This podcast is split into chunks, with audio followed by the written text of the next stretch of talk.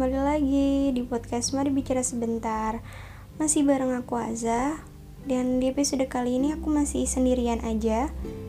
Semoga di episode berikutnya ada temen ngobrol ya. Kayaknya seru juga gitu Ada temen ngobrolnya gitu. Oke nggak apa-apa. Sebelumnya aku mau minta maaf Kalau episode ini telat banget naik Atau lama banget naiknya Karena emang recordnya juga baru-barusan aja. Karena emang kemarin sedang dilanda kemageran ya.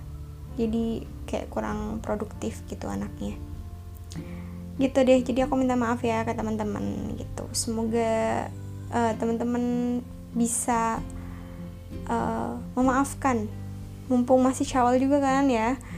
Gitu terus aku juga mau sampaikan ke teman-teman untuk selalu jaga kesehatan di mana pun teman-teman berada karena beberapa hari belakangan aku juga baru aja sakit.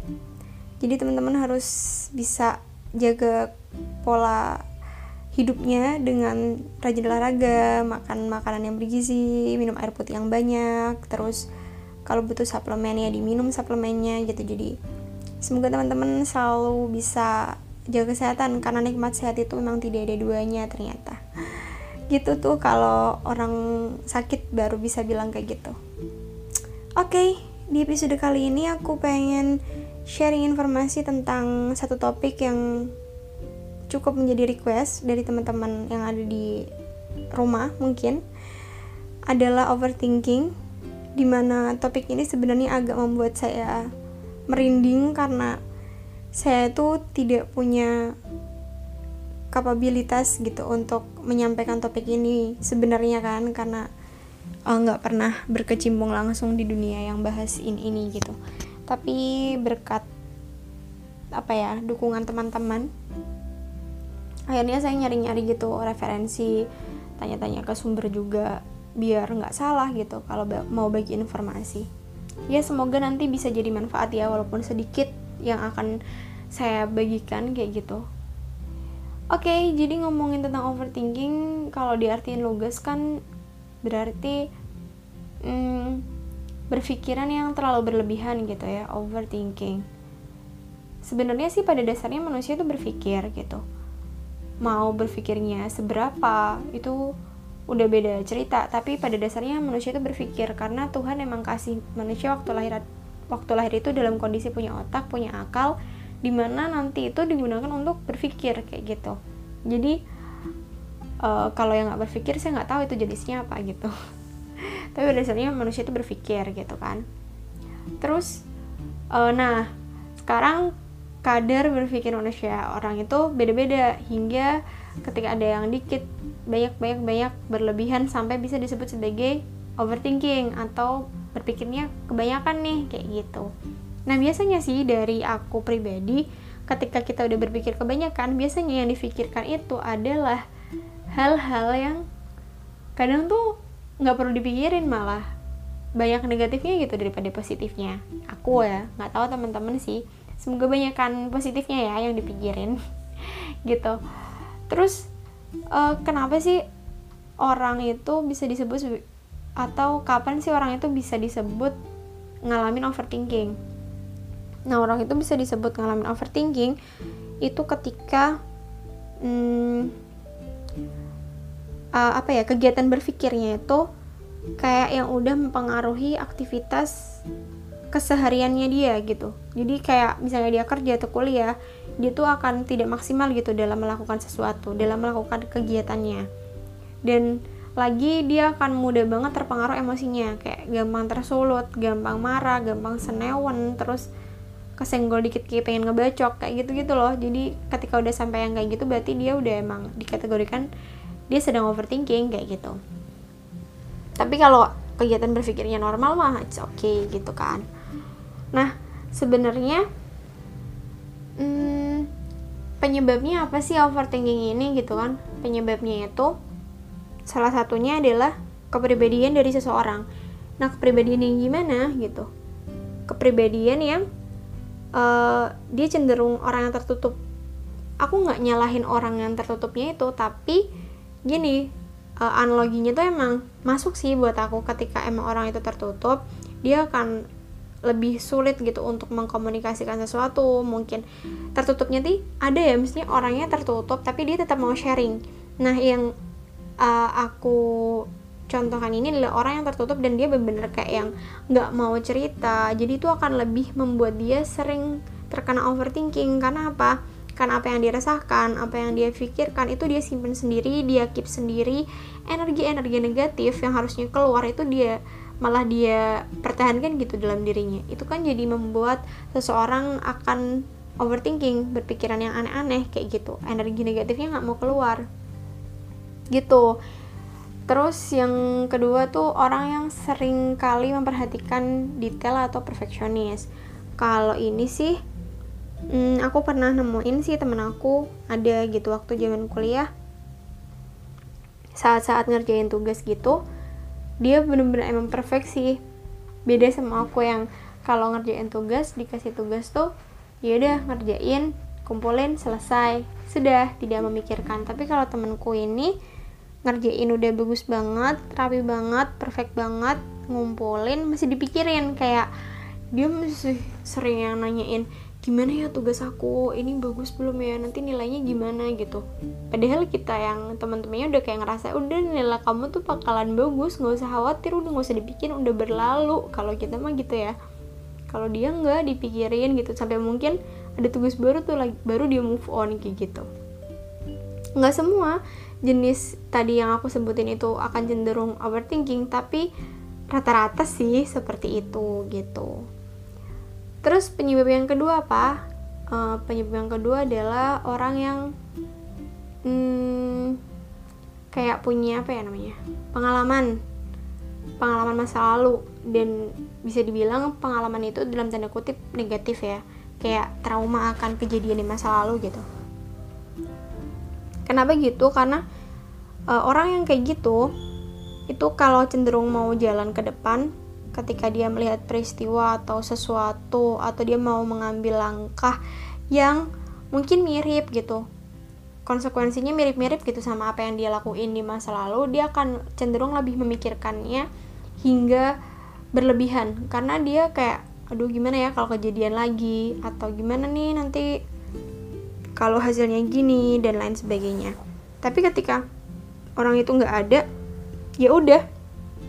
Orang itu nggak punya uh, pengalaman masa lalu yang buruk ya udah jalan-jalan aja kayak gitu kan.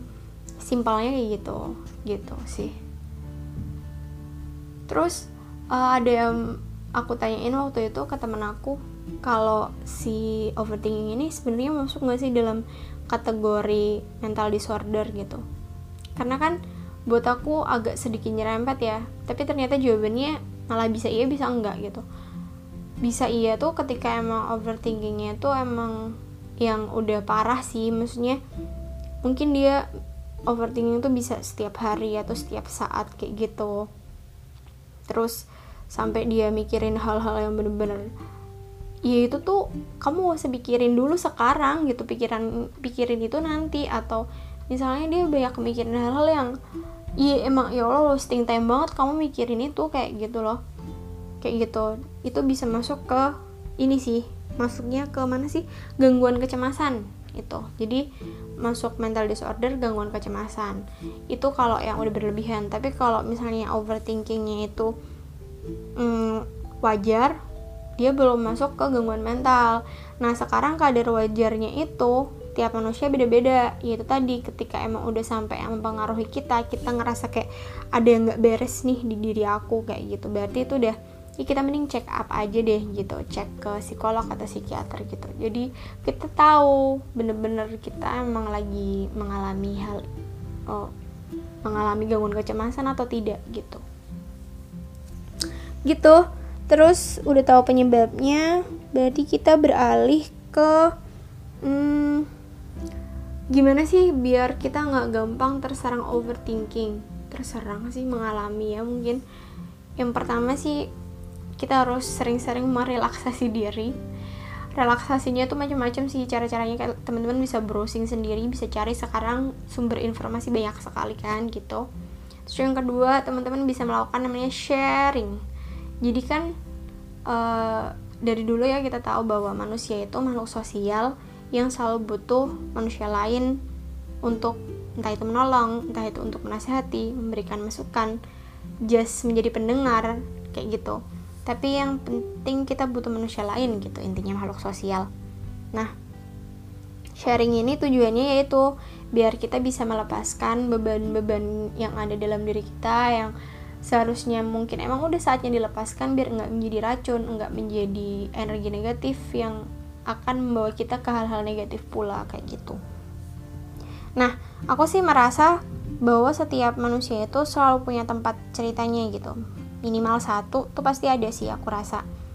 Jadi teman-teman silakan uh, membagikan informasinya atau ceritanya ke orang-orang yang teman-teman percaya ketika pun teman-teman ngerasa tidak tidak ada yang bisa aku percaya di dunia ini gitu misalnya atau aku malu ah diketahui ceritaku gitu.